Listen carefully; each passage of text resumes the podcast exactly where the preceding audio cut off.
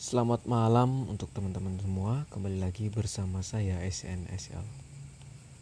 Pada malam hari ini kita akan mencoba membahas mengenai tema minjem pola pikir orang gila di tengah Covid. Adanya COVID-19 membuat kita berlomba-lomba untuk menyediakan APBD. Mulai dari masker, obat-obatan, vitamin, social distancing, dan lain-lain. Tapi pernahkah kita berpikir bahwa ada orang yang sangat bodoh amat dengan semua peralatan tersebut?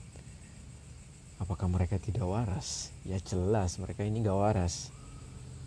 Dan mereka sedang berada pada ketidaksadaran untuk melakukan itu.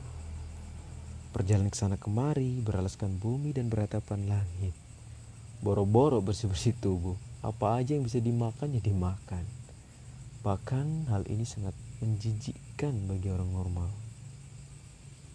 Makan teratur, minum vitamin, tidur di kasur yang empuk sepertinya akan menjadi hal yang sangat aneh jika dilihat dari sudut pandang mereka. And then, Mengapa sampai sekarang ini belum ada kasus kematian terhadap orang-orang gila ini karena terkena virus COVID-19? Apakah mereka belum mengikuti tes swab? Kemungkinan iya. Akan tetapi jauh sebelum adanya COVID-19 ini, mereka tampaknya baik-baik aja tuh dan terlihat tidak menderita sakit secara fisik. Bahkan sakit yang bisa saja hampir menimpa seluruh umat manusia seperti batuk, pilek, tampaknya tidak pernah kasat mata dari tubuh mereka. Lalu sebenarnya apa sih yang menjadi rahasia mereka sehingga tidak terlihat menderita sakit secara fisik? Bahkan isi pikiran yang menurut orang banyak adalah irasional. Artinya pikiran-pikiran orang gila itu bisa saja menjadi obat yang sangat mujarab untuk sebuah penyakit. Ya why not? Ya jelas ini terbukti pada orang-orang ini. Yang ada di pikiran mereka adalah kesenangan, positive thinking. Ya kerjanya ya berdasarkan prinsip kesenangan tadi. Hal ini jelas terbukti. Lihat saja. Perilaku mereka bukankah teman-teman sering lihat mereka tuh tertawa-tertawa aja, senyum-senyum aja, joget-joget di jalan.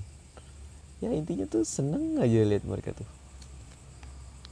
Lalu sebagai orang sehat, apakah kita juga akan tertawa setiap saat agar tidak dari virus ini? Ya tentu tidak. Semua proses yang terjadi di tubuh kita pasti ada sebab dan akibat. Dan sayangnya kita terus hidup dan bergerak dalam dunia yang realistis. Yang perlu kita lakukan ya kita perlu menciptakan mindset yang positif. Prinsipnya seperti ini teman-teman. Pikiran akan mempengaruhi afeksi dan psikomotor.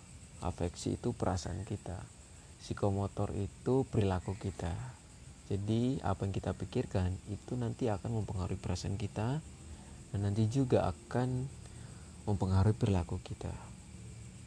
Ketika kita memikirkan sesuatu yang negatif, otomatis akan memberikan respons terhadap afeksi kita, terhadap perasaan kita.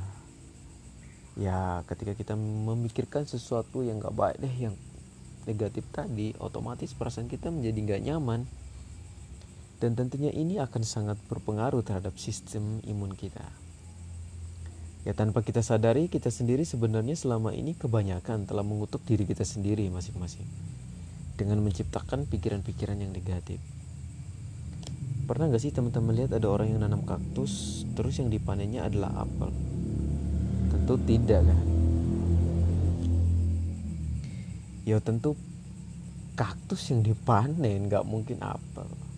Ya seperti itu pikiran kita. Apa yang kita tanam dalam pikiran kita yaitu juga yang akan kita tuai yang akan kita panen di perasaan kita. Ketika kita memikirkan sesuatu yang positif ya ngaruhnya ke perasaan kita ke afeksi kita. Kita akan merasa lebih nyaman tidak khawatir tidak cemas. Nah teman-teman pasti pernah dengar nih banyak sekali ucapan-ucapan banyak ungkapan-ungkapan di tengah wabah covid ini. Contohnya kayak gini virus ini akan sangat lama. Nah, pikiran seperti itu kenapa nggak sih kita ubah jadi pikiran yang lebih positif? ya virus ini akan segera berlalu gitu virus ini sebagai wabah yang membatasi ruang gerak ya kenapa nggak sih kita ubah jadi virus ini memberikan kesempatan waktu lebih banyak untuk berkumpul dengan keluarga tentu sebelum adanya virus ini kan ya kita kerjanya normal-normal aja ya tapi setelah adanya virus ini banyak orang yang berada di rumah dan ini memberikan kesempatan untuk berkumpul bersama keluarga nah itu dinikmati aja Virus ini membatasi kesempatan untuk berkegiatan. Ya, kenapa nggak sih kita ubah? Virus ini memberikan kesempatan untuk berefleksi terhadap diri atas perjalanan hidup yang telah kita lewati. Ya, mungkin kita perlu duduk renung. Ada yang nyebutnya zikir, banyak yang menyebutnya meditasi. Ya, kita perlu berefleksi, melihat ke dalam diri, sudah sejauh apa sih? Loh aku kok bisa udah sampai sekuat ini udah sampai di tahap ini gak nyangka banget gitu. Ya kita coba menyelami setiap pengalaman-pengalaman kita. Kalaupun ada pengalaman yang pahit kita berusaha menempatkan itu pada posisi yang tepat kira-kira seperti itu teman-teman. Nah virus ini membuat penghasilan ekonomi menjadi menurun. Oke. Kenapa nggak sih kita ubah itu? Virus ini menjadikan kita untuk lebih dewasa dalam dalam memanajemen pengeluaran ekonomi kita. Teman-teman pasti merasakan banget kan apalagi saya dan teman-teman yang lain. Ada beberapa teman-teman yang sebagai anak rantau dengan kiriman yang pas-pasan ya, sebisa mungkin kita harus memanajemen dengan baik-baik. Yang sebelum-sebelumnya uh, apa ya kiriman kita harusnya segini ya karena kondisi saat ini seperti ini kirimannya menjadi berkurang begini begini. Ya tapi sebenarnya ada satu pelajaran di balik itu. Kita belajar untuk mengatur pengeluaran ekonomi kita. Kita belajar untuk menjadi dewasa di situ. Nah mudah kan teman-teman ya beberapa di antara pilihan di atas memang mungkin kurang ya kurang realistis tapi bukankah dengan pikiran-pikiran tersebut kita menjadi lebih nyaman yang orientasinya kepada peningkatan sistem imun kita. Nah, selamat mencoba ya menjadi orang gila di tengah wabah Covid. Tapi teman-teman jangan meniru perilaku yang nyata loh perilaku mereka. Akan tapi adopsilah pikiran mereka. Be always happy. Salam sehat.